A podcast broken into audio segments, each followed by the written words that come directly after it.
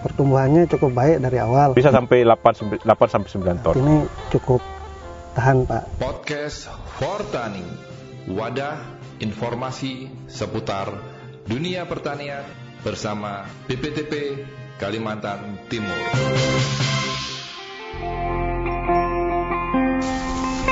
Assalamualaikum. Waalaikumsalam. Ah, mantap padanya nih Pak. Iya Pak. Padi apa ini? Ini padi respati Pak. Bagus ya hasilnya nih? Kalau dilihat ini Pak cukup bagus Pak. Jadi cukup rata pembungaannya ini Pak padinya dan malainya agak panjang. Oh, oh, Anakannya banyak Pak ini kelihatannya. oh. Ini kira-kira berapa hari nih Pak ini? Ini sekarang umurnya 75 hari Pak. 75 hari. Iya. Sudah dekat panen? Eh, satu bulan lagi lah untuk eh, panennya. Satu bulan lagi. Ya, tapi untuk pembungaan sudah 100% ini Pak. Sudah 100%. Iya. Bagus, bagus ini. Eh, ini panas Pak, mungkin kalau lebih ini kita duduk di saung. Oh, ayo.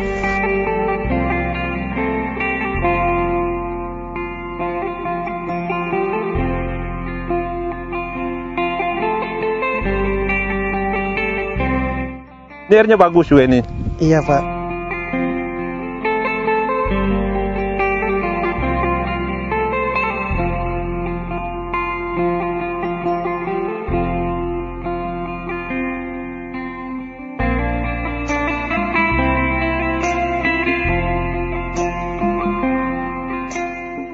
Ini ya, adem ya di sini ya. Iya Pak.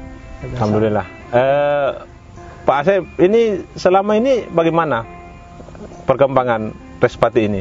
Eh, Alhamdulillah Pak kalau padi respati ini pertumbuhannya cukup baik dari awal. Hmm. Cuma mungkin di pasi-pasi umur 20 hari agak eh, apa namanya terkena ini eh, asam. Hmm. Jadi daunnya agak menguning. Cuma setelah anakan maksimum sampai tadi berbunga, alhamdulillah sudah mulai pulih kembali hijau kembali. Iya. Jadi padi respati ini oleh Badan Litbang itu dikembangkan sebagai bahagian untuk mendorong peningkatan IP padi menjadi IP padi 400. Umurnya nanti ini sekitar 104-105 hari setelah semai. Jadi bisa dibayangkan ini kita berupaya untuk Badan Litbang berupaya untuk empat kali tanam dalam setahun dan persyaratan varietasnya itu harus seperti varietas respati ini. Seingat saya di Kalimantan Timur dan Utara ini sudah ada tiga yang kita uji coba. Ini respati, uh, mudah-mudahan nanti ada bagus hasilnya. Amin. Kemudian yang kemarin itu Cakrabuana dan yang ketiga Pajajaran. Itu adalah varietas-varietas yang memang untuk IP 400 dan produksinya bagus bisa sampai 8, 8 sampai 9 ton.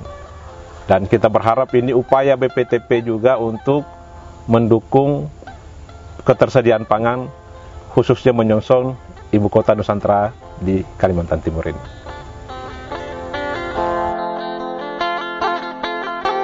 Nanti kalau kita lihat pertumbuhannya Kak, eh, Pak, ini kan padi ini cukup bagus. Ya, Nah, nanti apakah bisa ditanam kembali Pak benih padi respati ini untuk musim berikutnya? Oh, ini ini padi respati yang benih ini kami datangkan itu masih dalam sebagai benih sumber kalau saya tidak salah itu label putih.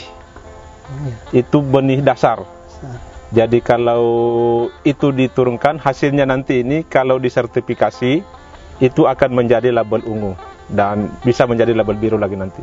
Sehingga sangat memungkinkan untuk dijadikan sebagai benih untuk di baik di wilayah sini maupun di daerah lain untuk eh, dikembangkan lebih lanjut. Dan masih dua kali tanam Pak. Jadi silahkan dilihat baik-baik, dipelihara baik, dipelihara supaya tidak tercampur dengan varietas lain. Eh, saya lihat tadi Bapak memilih-milih yang mana yang le, apa yang lain varietasnya ya. Saya lihat tadi Bapak pilih-pilih ya. Nah, itu sudah bagus itu. Itu bagus prinsip eh, perbenihan jadi itu dilanjutkan. Nah, insya Allah nanti bisa digunakan sebagai benih eh, ke depan untuk pengembangan lebih lanjut. Baik Pak. Pak, ini saya lihat tadi ini kan sudah berbunga ya. Betul.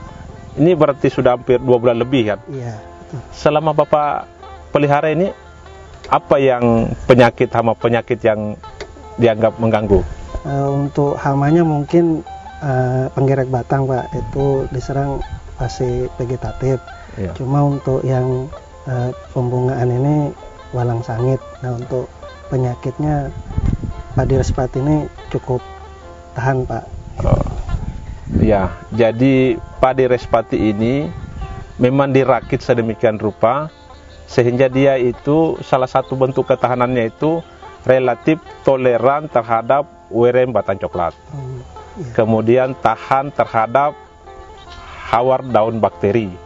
Hmm, Kemudian juga dengan eh, tahan atau relatif tahan dengan penyakit belas beberapa prototipe serotipe ya. iya.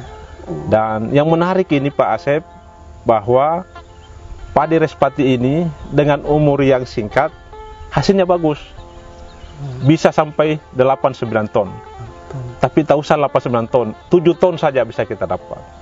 Kalau bisa kita tanam 4 kali setahun, itu berarti bisa kita mendapatkan 28 ton per hektar per tahun. Ini potensi besar untuk kita meningkatkan ketersediaan pangan kita di Kalimantan Timur ini. Apalagi ini mendekati prosesi-prosesi ibu kota Nusantara kan? Iya Pak. Iya.